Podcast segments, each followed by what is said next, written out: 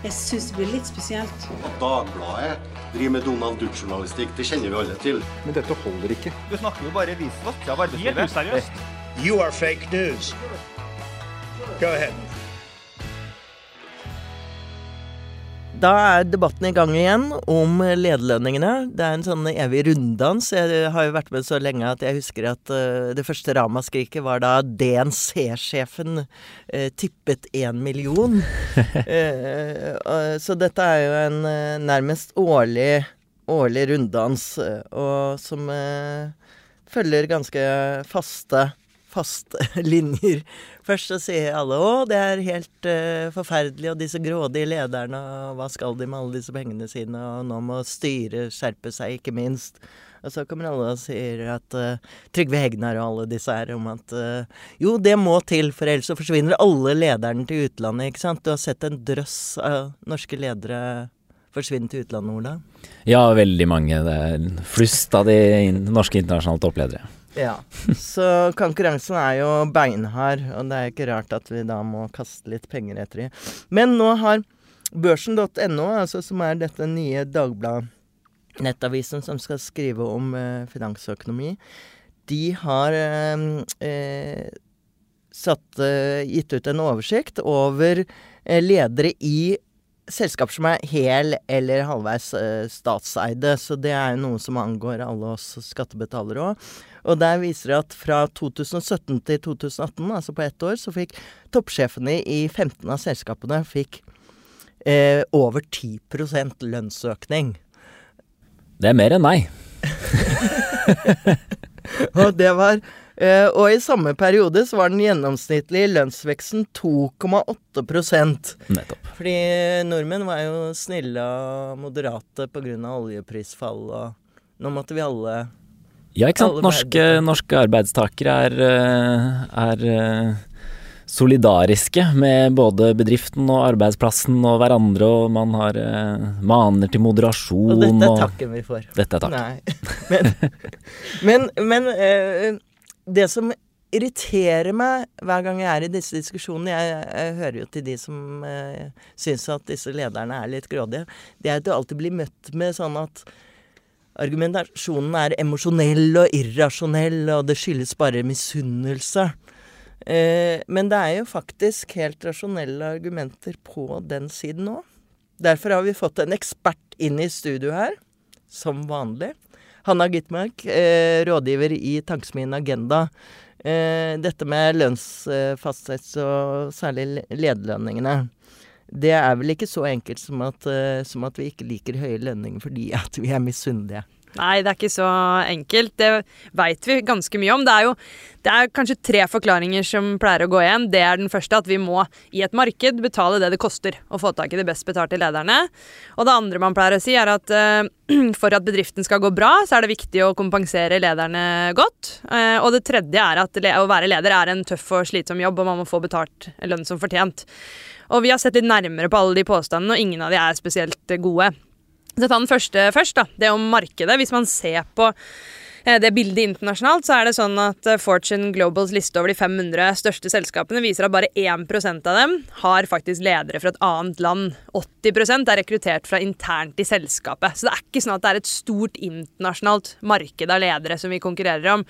Eh, og når det er sagt, så Norske lederlønninger de er høye, men i en internasjonal sammenheng så kommer vi uansett aldri til å nå opp til det amerikanske nivået. Og dette med sånn markedspris er jo også et sånn interessant begrep. fordi for det veit vi ikke hva som er markedspris. Det her er stillinger som aldri lyses ut offentlig.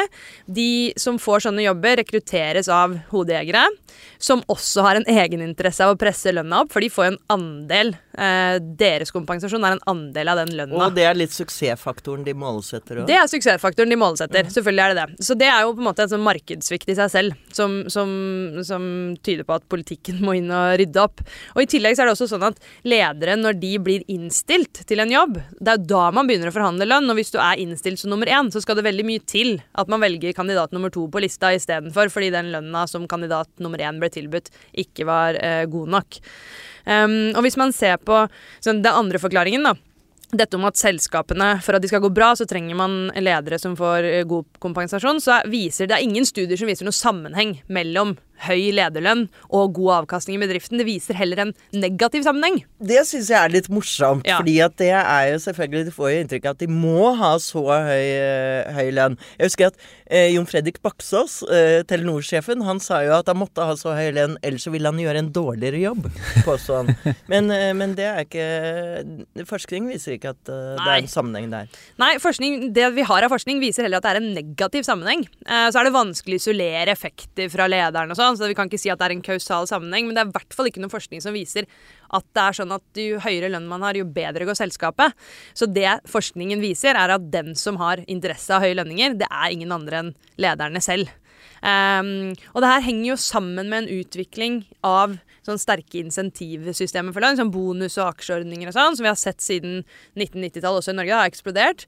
Eh, for da frakobles man litt, ikke sant. Som eier så, så, man, så, så tenker man at når man gir leder en bonus, så vil lederen handle i tråd med det eieren vil. Og sånn er det heller ikke, fordi vi lager så dårlige bonussystemer. Det er kjempevanskelig. Vi ser jo f.eks. Statoil eller Equinor, da, de hadde systemer hvor man ble belønna om oljeprisen gikk opp, altså makroøkonomiske eh, vinner som ikke lederen kan påvirke i det hele tatt. Men når det gikk dårlig, så fikk de sånn stay on-bonuser for å bli. Så det er helt sånn at de systemene fungerer ikke i det hele tatt. Og, eh, og uten å trekke det altfor langt, så er det mange som har pekt på at hele liksom, Lehman Brothers, de islandske bankene, grunnen til at de kollapsa, var at man hadde en del av grunnen var at man hadde bonussystemer som eh, ga insentiver til kortsiktig fortjeneste, men som ikke var bra for noen på lang sikt. Så de her systemene er jo ikke Altså, de gir de lederne eh, høy inntjening på kort sikt, men det er ikke noe bra for Eller, eierne. eller den gode bonusen hvor du får bonus for å effektivisere, altså nedbemanne. Det er jo ikke akkurat noe som skaper godstemning i bedriften. Nei. Og så er jo eh, sånn generelt eh, høye Altså dette med at Den siste årsaken da, som jeg sa som ofte trekkes fram, er at det å være leder er så tung jobb. Når man ser på det, så er det ikke sånn at ledere jobber kjempemye mer enn f.eks. folk i frie yrker, andre typer folk. Man har autonomi og kontroll på arbeidsoppgavene sine. Så det er ikke sånn at man har en helt forferdelig jobb heller som sier at man skal lønnes. Og tvert imot har du jo mye frynsegoder og støtteapparat rundt deg, og Ja. sjåfører og alt. Men da blir jo argumentet gjennom at, eh, at de har jo så mye ansvar at de Ja. må, må på en måte kompenseres for det. Men det er jo ikke sånn at veldig mange norske toppledere tar hatten sin og går når det går dårlig heller. Nei. Nei, de og tar blir, jo, de blir jo sittende og sittende. Ikke sant? Og, og de blir ikke akkurat sparket ut i den store kulda heller, hvis det skal skje noe. Og så virker det jo av og til som om de lever i en liksom boble hvor de ikke følger med på hvordan resten av folk har det. Altså den avtroppende Vy-sjefen, han, han sa jo på, i Dagsnytt 18 denne uken at, eh, at uh, han fikk 3,2 millioner i etterlønn, og det syntes han var helt rett og rimelig, fordi at det sørget for en myk overgang til pensjonsalderen. Eh, kunne dere tenke dere 3,2 millioner Ja, som en myk gjerne. overgang? Ja. Det høres bra ut, det. Altså. Ja. Men det her sier jo noe, det strider jo mot all fornufts- og rettferdighetsfølelse hos vanlige folk. Og det her ser man jo eh, Over tid så har jo eh, toppledere eh, har jo hatt mye høyere lønnsøkning som du var inne på i stad, enn vanlige folk. Og vi vet jo også de siste årene har jo de i bunnen av inntektsfordelingen de har jo ikke hatt noe lønnsvekst. De har hatt reallønnsnedgang. Eh, og selv om eh, sånne høye lønninger er en mye større driver for den overordna ulikheten i USA enn i Norge, så har også det bildet skifta i Norge. Lønn har mye mer å si eh, enn kapitalinntekter nå enn det hadde tidligere. Så vi veit at det er viktig, og vi veit også da at det har masse å si for tilliten. For både i offentlig sektor og nå i disse statlig heleide eller deleide selskapene, så skal man i gang med lønnsoppgjør til våren. ikke sant? Modellen vår eh, er sånn at vi fastsetter lønningene sentralt for å sikre en, en eh, balanse mellom avkastning på arbeid og kapital. Men det betyr jo at alle må vise moderasjon når det er behov for å vise moderasjon. ikke sant? Det nytter sånn som du sa i stad, når man går ut og sier nå må alle moderere seg, og så tar man selv ut sånne lønninger. Jeg er redd for at det kan ødelegge hele det systemet. Jeg synes det er, det er Ja, fordi at dette er jo faktisk en slags solidaritetstanke mellom Ja. topp og, og gulv. Og, og som, eh, som bare funker når også lederne er moderate. Ja. Og det man har sett, er jo en slags sånn internasjonal utvikling, eller amerikanisering, Ja. hvis du kan si Ja, ja. snik, snikamerikanisering, skal vi kalle det det, Ja. i, i norsk næringsliv, hvor hvor toppene liksom fjerner seg fra gulvet og de ansatte. Og noen av fordelene konkurransefortrinnet i, eh, i eh, norsk økonomi er jo nettopp at vi har hatt lave, eh, relativt lave lederlønninger. Og at det ikke har vært så stor for, store lønnsforskjeller. Og vi ser jo at det både internt Det her er også masse forskning på som viser at store lønnsforskjeller det river ned liksom, den psykologiske eierskapet til arbeidsplassen. Det følelsen av at vi er inni det sammen. En sånn spennende studie fra Choice Lab i Bergen viste at når en leder blir kompensert mye, så undergraver det eh, muligheten til å samarbeide i gruppa. For man blir mindre motivert når én person tar ut mye mer.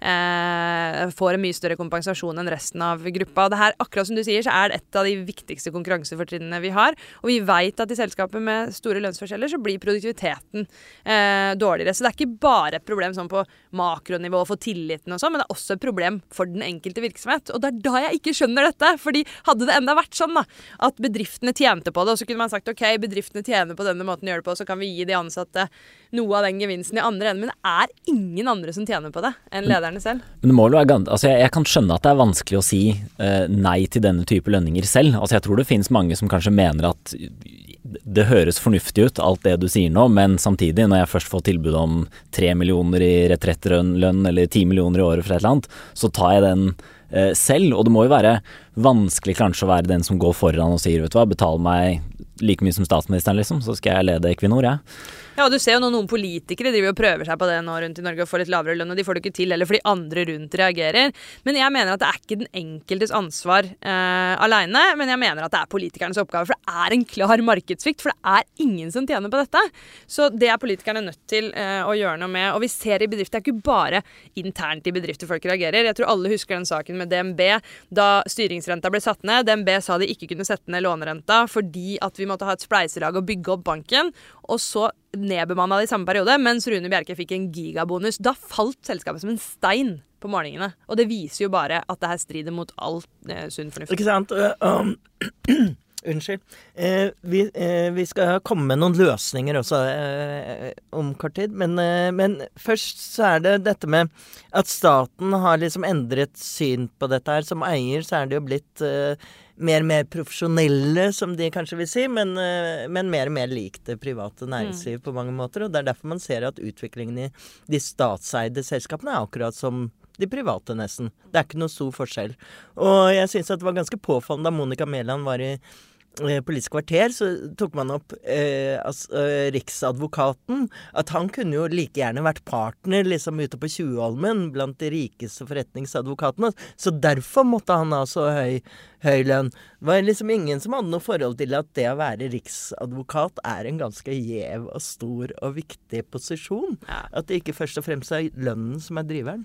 Nei, og det, når man spør ledere selv om hva som driver dem eh, i jobben, så er det for, for, veldig mange kommer lønn langt ned på lista. Det betyr jo ikke at de ville sagt ja til å tjene 300 000, men det betyr at de antageligvis ikke hadde trengt 10 millioner for å løse den jobben. Og akkurat det å være altså, regjeringsadvokat, det er jo det, er det trangeste nåløyet. Det henger jo mye høyere mm. enn alle de mm. store advokatfirmaene på Tjuvholmen. Mm. Så det tror jeg kunne nesten gjort den jobben gratis.